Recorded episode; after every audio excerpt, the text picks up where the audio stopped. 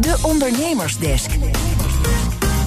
Investeerders die bulken van het geld, maar bedrijven om over te nemen, die zijn schaars. Daarover schrijft het Financiële Dagblad vandaag. Dat zien ze ook bij het overnameplatform Brooks, waar ze een nieuw onderzoek hebben gedaan naar de rol van adviseurs bij overnames. Connor Klerks gaat daarover in gesprek met hoofdredacteur Peter Rikhoff. Hoe komt het dat er zo weinig bedrijven van de hand worden gedaan nu? Nou, wat vooral nu erg speelt is toch de onzekerheid in de markt. Uh, en met name denk ik rondom de prijsvorming. Kijk, uh, de, de, waarde van een bedrijf wordt heel erg bepaald door uh, wat er in de toekomst mee kan worden verdiend. En die toekomst is nogal onzeker op dit moment.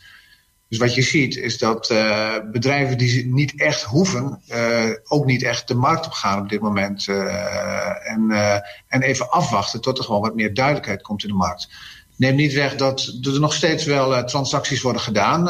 Er waren nog een aantal lopende zaken die, die zijn wel doorgegaan. Maar je ziet dat de inflow van nieuwe bedrijven op dit moment een beetje stagneert. En verwacht je binnenkort een omslagpunt daarin?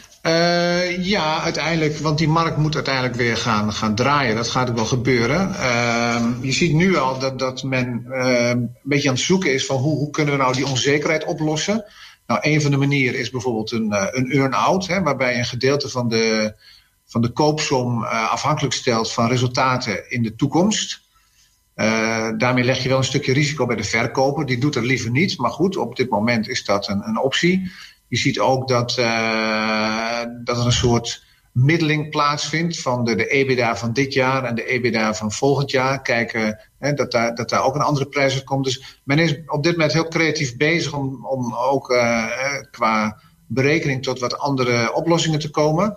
Uh, en ik denk ook, um, we zien nu de eerste, de eerste maatregelen van de, de open-up.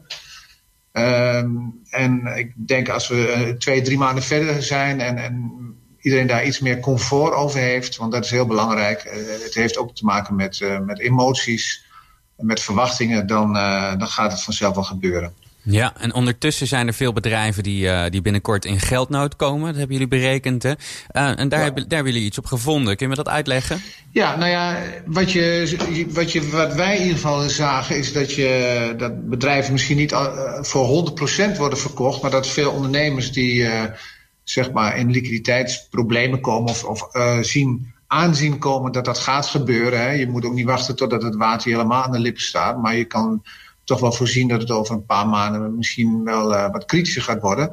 Uh, dan zie je nu dat ondernemers een deel van hun bedrijf te koop aanbieden. Hè. De, er zijn heel veel investeerders, en, uh, rijke particulieren, maar ook investeerdersfondsen, die echt wel geïnteresseerd zijn om, om in te stappen voor een deel. Um, en nou ja, dat zie je dan nu ook gebeuren, dat bedrijven dus een, participatie aanbieden, een minderheidsbelang, waarmee uh, eigenlijk twee, hun eigen vermogen wordt versterkt, er is meer geld in kas en als het goed is hebben ze ook een partner aan boord waar ze ook in de toekomst gewoon mee verder kunnen. Dus op zich is denk ik een hele goede oplossing om, om de huidige crisis een beetje het hoofd te bieden. En zelf hebben jullie ook nog een onderzoek gedaan onder kopers en verkopers naar de rol van adviseurs. Wat is daar uitgekomen? Uh, klopt, dat was uh, overigens pre-corona, hoewel ik niet de denk dat dat niet zo heel veel invloed heeft gehad. Uh, maar wij, wij, zijn altijd heel erg bezig, ook met onze adviseurszoekmachine, om, om mensen keuzes te bieden bij het kiezen van een adviseur. En ik denk dat we dat ook terug, terugzagen in het onderzoek. Over het algemeen zijn ondernemers wisselend tevreden over een adviseur. En dat komt omdat heel veel ondernemers toch heel erg op gevoel een overnameadviseur kiezen. Vaak is dat iemand uh, die ze via via dan uh, hebben leren kennen. En, en, en nou ja, voordat je het weet ga je met zo'n iemand in zee. En het is, een overnametraject is niet iets wat je zomaar afbreekt. Hè? Dus je bent al gauw een paar maanden verder. Ehm, waarbij je dan beoordeelt of het wel of geen goede adviseur is. Maar ik denk dat het veel verstandiger is om om, om een aantal adviseurs te spreken en, en, en een wat betere selectie en keuze, om een betere selectie en keuze te kunnen maken. Uh, dus iets minder op gevoel en iets meer kijken naar uh, nou ja, ervaring, achtergrond, netwerk. En ook heel belangrijk, referenties navragen. Dat zou ik altijd doen. Dat zijn uiteindelijk toch de beste graadmeters om een idee te krijgen hoe zo'n adviseur zijn werk doet. Dus dat is de kant van de onderneming. Ik denk de kant van de adviseur. Um, is het toch zaak om, om, om, uh, om niet te hoge verwachtingen te creëren. Hè? Met name bij verkopende ondernemers, ondernemers die een bedrijf willen verkopen, zie je adviseurs toch iets te enthousiast uh, bepaalde prijzen afgeven. Uh, die blijken dan niet uiteindelijk gehaald te worden. En dat geeft dan, ja, dat geeft dan toch teleurstelling. Connor Klerks in gesprek met Peter Rikhoff, hoofdredacteur van het overnameplatform Brooks.